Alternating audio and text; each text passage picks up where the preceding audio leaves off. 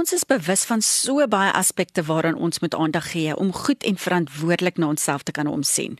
Van gesonde eetgewoontes tot genoeg slaap. Maar hoe hanteer jy jou digitale gewoontes op 'n daaglikse basis? In hierdie episode van Rianet en die internet vertel ek jou meer oor kuberwelstand, hoe om beheer te neem en verseker dat dit nie jou verhoudings negatief beïnvloed nie.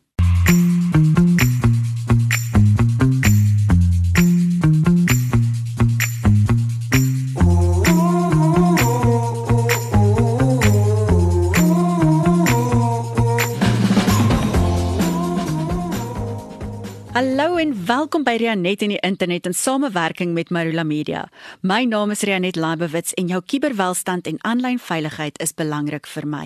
Hier kuier ons saam om kuberslim te raak en beheer te neem oor ons digitale gewoontes sodat ons veiliger op die internet kan reis en ons lig helder aanlyn kan skyn.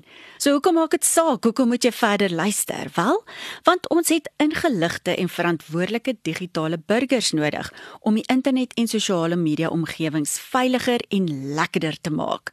En natuurlik het ons volwassenes nodig om ons kinders te help en te lei om verantwoordelike digitale burgers te word. Hier is episode 4 gaan luister gerus na my vorige gesprekke rondom digitale detox, veilige aanlyn inkopies en hoe om jou inligting veilig op die internet te kan hou. Kom ons begin by die begin. Wat beteken kuberwelstand nou eintlik en hoe is dit van toepassing op jou en my? Wel, ons fisiese en digitale lewens het so geïntegreerd geraak dat dit amper moeilik is om die twee van mekaar te skei.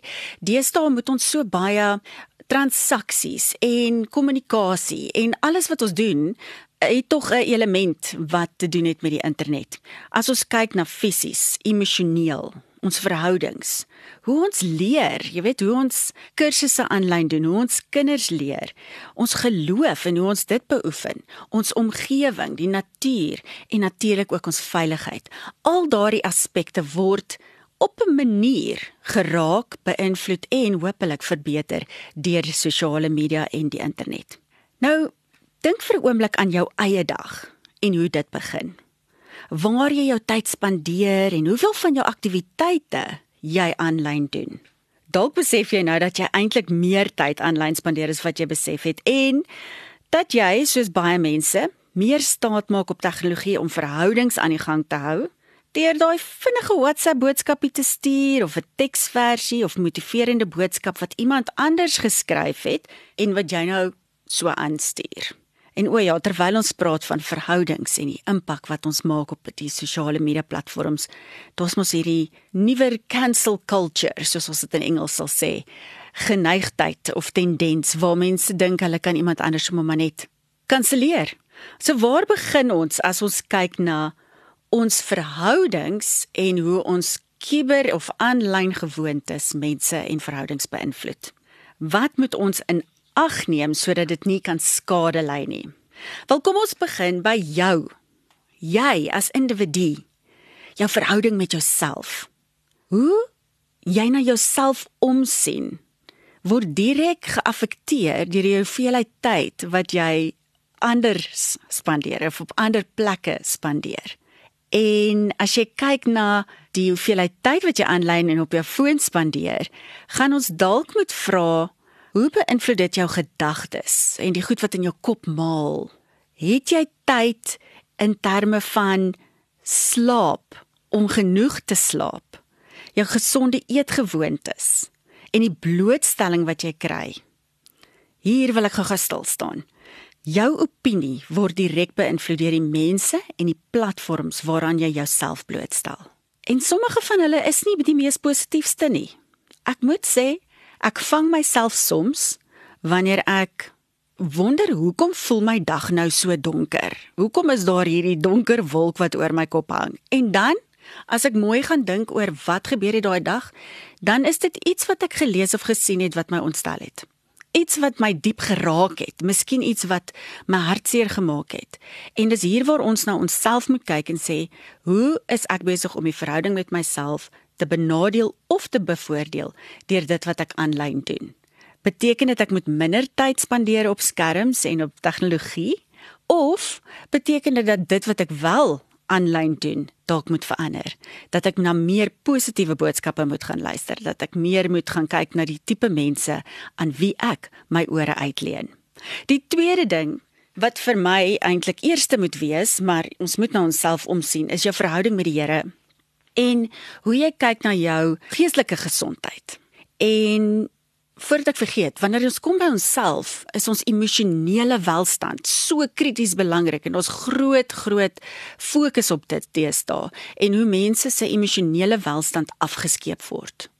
En wanneer ons dit deurtrek na ons geestelike welstand en hoe ons tyd maak om nog by ons Bybellees uit te kom, om ons persoonlike tyd te allokeer vir geestelike gesondheid. Nou persoonlik hou ek baie van die YouVersion Bible app en daar is ook natuurlik ander apps soos Abide en soveel meer wat jy kan gebruik om jou daaglikse tyd in die woord te kan spandeer. As jy verkies om dit eerder op tegnologie te doen en miskien die verskillende weergawe van die Bybel te vergelyk.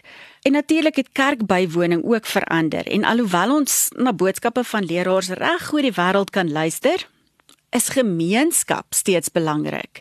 En wanneer ons dink aan kerk toe gaan en net die gemeenskap in waarin ons woon, die waarde wat ons kan toevoeg. Nie net dit wat ons uit dit uit kan kry nie, maar ook wat ons bring. So wanneer dit kom by jou verhouding met jouself, jou verhouding met die Here, dan kan ons nou kom by die mense wat werklik lief is vir jou. Die verhoudings met mense en hierdie klink dalk nou nogal streng, maar die mense wat na jou begrafnis toe gaan kom. Wie is hulle en hoe beïnvloed jou digitale gewoontes daai verhoudings? So ons kom ons begin by die eerste een en dis jou huweliksmaat of jou jou geliefde. Nou gesonde huwelike en gesonde gesinne en getroude paartjies maak die wêreld 'n beter plek. Want dit het gelukkiger kinders, ons kan sien ons gemeenskappe is gesonder en die algemene welstand is beter. So kom ons kyk na tegnologie en ons gebruik tegnologie om mooi boodskappe te stuur. Maak dit seker jy stuur dit vir die regte persoon en stel vir jouself reminders of gebruik jou jou dagboek, jou aanlyn dagboek om belangrike datums te onthou en lag lekker uitbundig saam vir die snaakse video's op YouTube en alles wat ons saam kan kyk aanlyn, maar spandeer ook alleen tyd saam sonder tegnologie. Laat weet almal wat belangrik is en dalk kan bel wanneer jy hulle fone gaan afskakel en regtig gebruik daai tyd om mekaar in die oë te kan kyk. En o ja, respekteer mekaar se wense wanneer dit kom by die tipe inligting wat jy oor mekaar deel aanlyn.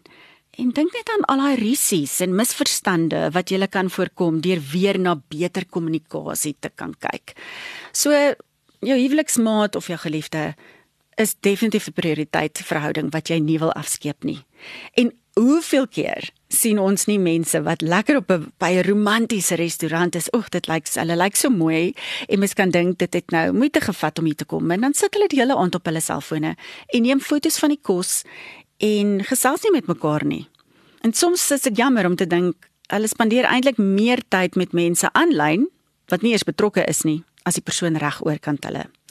Die vierde verhouding wat ons moet na kyk is jou kinders.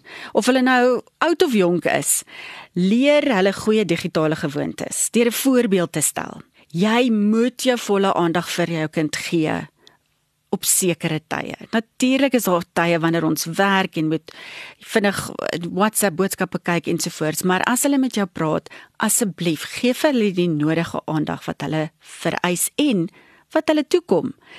Ek sê altyd, as jy mal voorheen gehoor praat het, digitale vrye etes, digital free dinners is so belangrik. En as dit nie aandete werk vir jou nie, kies 'n ander tyd in die dag wanneer jy hulle mekaar kan koester in die oë kyk en wanneer jy regtig bietjie kan sien wat gaan aan in jou kind se lyfstaal.